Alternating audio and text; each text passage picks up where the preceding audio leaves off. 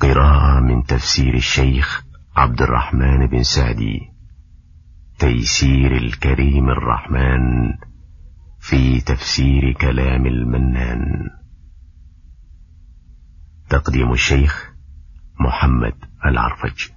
أعوذ بالله من الشيطان الرجيم.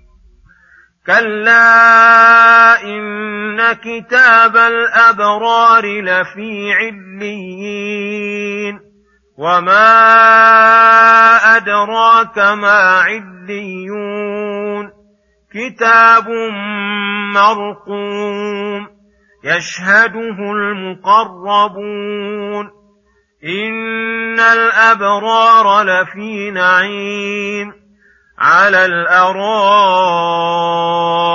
ينظرون تعرف في وجوههم نضره النعيم يسقون من رحيق مختوم ختامه مسك وفي ذلك فليتنافس المتنافسون ومزاجه من تسنيم عينا يشرب بها المقربون إن الذين أجرموا كانوا من الذين آمنوا يضحكون وإذا مروا بهم يتغامزون واذا انقلبوا إلى اهلهم انقلبوا فكهين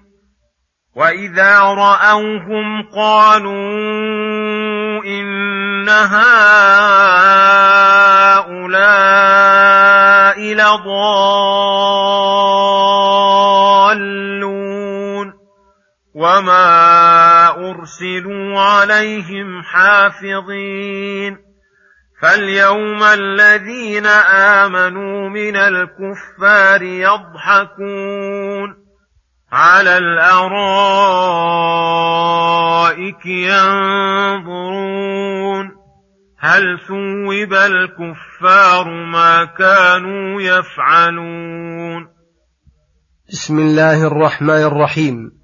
السلام عليكم ورحمة الله وبركاته. يقول الله سبحانه كلا إن كتاب الأبرار لفي عليين وما أدراك ما عليون كتاب مرقوم يشهده المقربون. لما ذكر أن كتاب الفجار في أسفل الأمكنة وأضيقها ذكر أن كتاب الأبرار في أعلاها وأوسعها وأفسحها.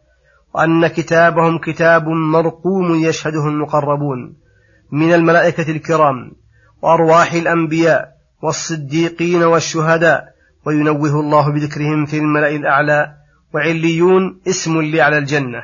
فلما ذكر كتابهم ذكر أنهم في نعيم وهو اسم جامع لنعيم القلب والروح والبدن.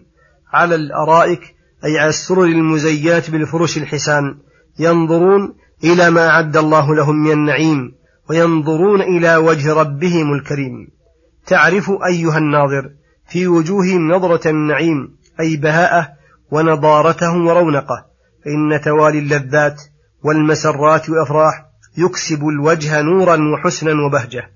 يسقون من رحيق وهو من أطيب ما يكون من أشربة ولذها مختوم من ذلك الشراب ختامه مسك. يحتمل أن مراد مختوم عن أن يداخله شيء ينقص لذته أو يفسد طعمه وذلك الختام الذي ختم به مسك ويحتمل أن المراد أنه الذي يكون في آخر الإناء الذي يشربون منه الرحيق حثالة وهي المسك الأذفر. فهذا الكدر منه الذي جرت العادة في الدنيا أنه يراق يكون في الجنة بهذه المثابة وفي ذلك النعيم المقيم الذي لا يعلم حسنه ومقداره إلا الله. فليتنافس المتنافسون أي فليتسابقوا في المبادرة إليه بالأعمال الموصلة إليه. فهذا أولى ما بذت فيه نفائس الأنفاس. وأحرى ما تزاحمت للوصول إليه فحول الرجال. وهذا الشراب مزاجه من تسليم عينا يشرب بها المقربون. صرفا وهي على أشربة الجنة على الإطلاق. فلذلك كانت خالصة للمقربين الذين هم أعلى الخلق منزلة وممزوجة لأصحاب اليمين أي مخلوطة بالرحيق وغيره من أشربة اللذيذة. ثم يقول سبحانه إن الذين أجرموا كانوا من الذين آمنوا يضحكون. لما ذكر تعالى جزاء المجرمين وجزاء المحسنين وذكر ما بينهما ما بينهما من التفاوت العظيم أخبر أن المجرمين كانوا في الدنيا يسخرون بالمؤمنين. ويستهزئون بهم ويضحكون منهم فيتغامزون بهم عند مرورهم عليهم احتقارا لهم وازدراء ومع هذا تراهم مطمئنين لا يخطر الخوف على بالهم. وإذا انقلبوا إلى أهلهم صباحا ومساء انقلبوا فكهين أي مسرورين مغتبطين.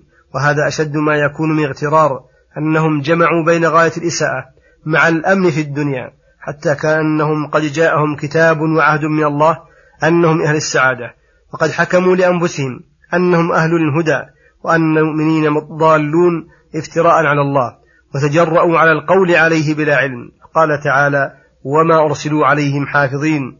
أي وما أرسلوا وكلاء أي وما أرسلوا وكلاء على المؤمنين ملزمين بحفظ أعمالهم حتى يحرصوا على رميهم بالضلال. وما هذا منهم إلا تعنت وعناد وتلاعب ليس لهم مستند ولا برهان. ولهذا كان جزاؤهم في الآخرة من جنس عملهم. قال تعالى فاليوم أي يوم القيامة الذين آمنوا من الكفار يضحكون حين يرونهم في غمرات العذاب يتقلبون وقد ذهب عنهم ما كانوا يفترون. والمؤمنون في غاية الراحة والطمأنينة على الأرائك وهي السرور المزينة. ينظرون إلى ما أعد الله لهم من النعيم فينظرون إلى وجه ربهم الكريم. هل ثوب الكفار ما كانوا يفعلون؟ أي هل جوزوا من جنس عملهم؟ فكما ضحكوا في الدنيا من المؤمنين ورموهم بالضلال ضحك المؤمنون منهم في الآخرة حين رأوهم في العذاب والنكال الذي هو عقوبة الغي والضلال. نعم ثوبوا ما كانوا يفعلون عدلا من الله وحكمة والله عليم حكيم. وصلى الله وسلم على نبينا محمد وعلى آله وصحبه أجمعين. وإلى الحلقة القادمة غدا إن شاء الله. السلام عليكم ورحمة الله وبركاته.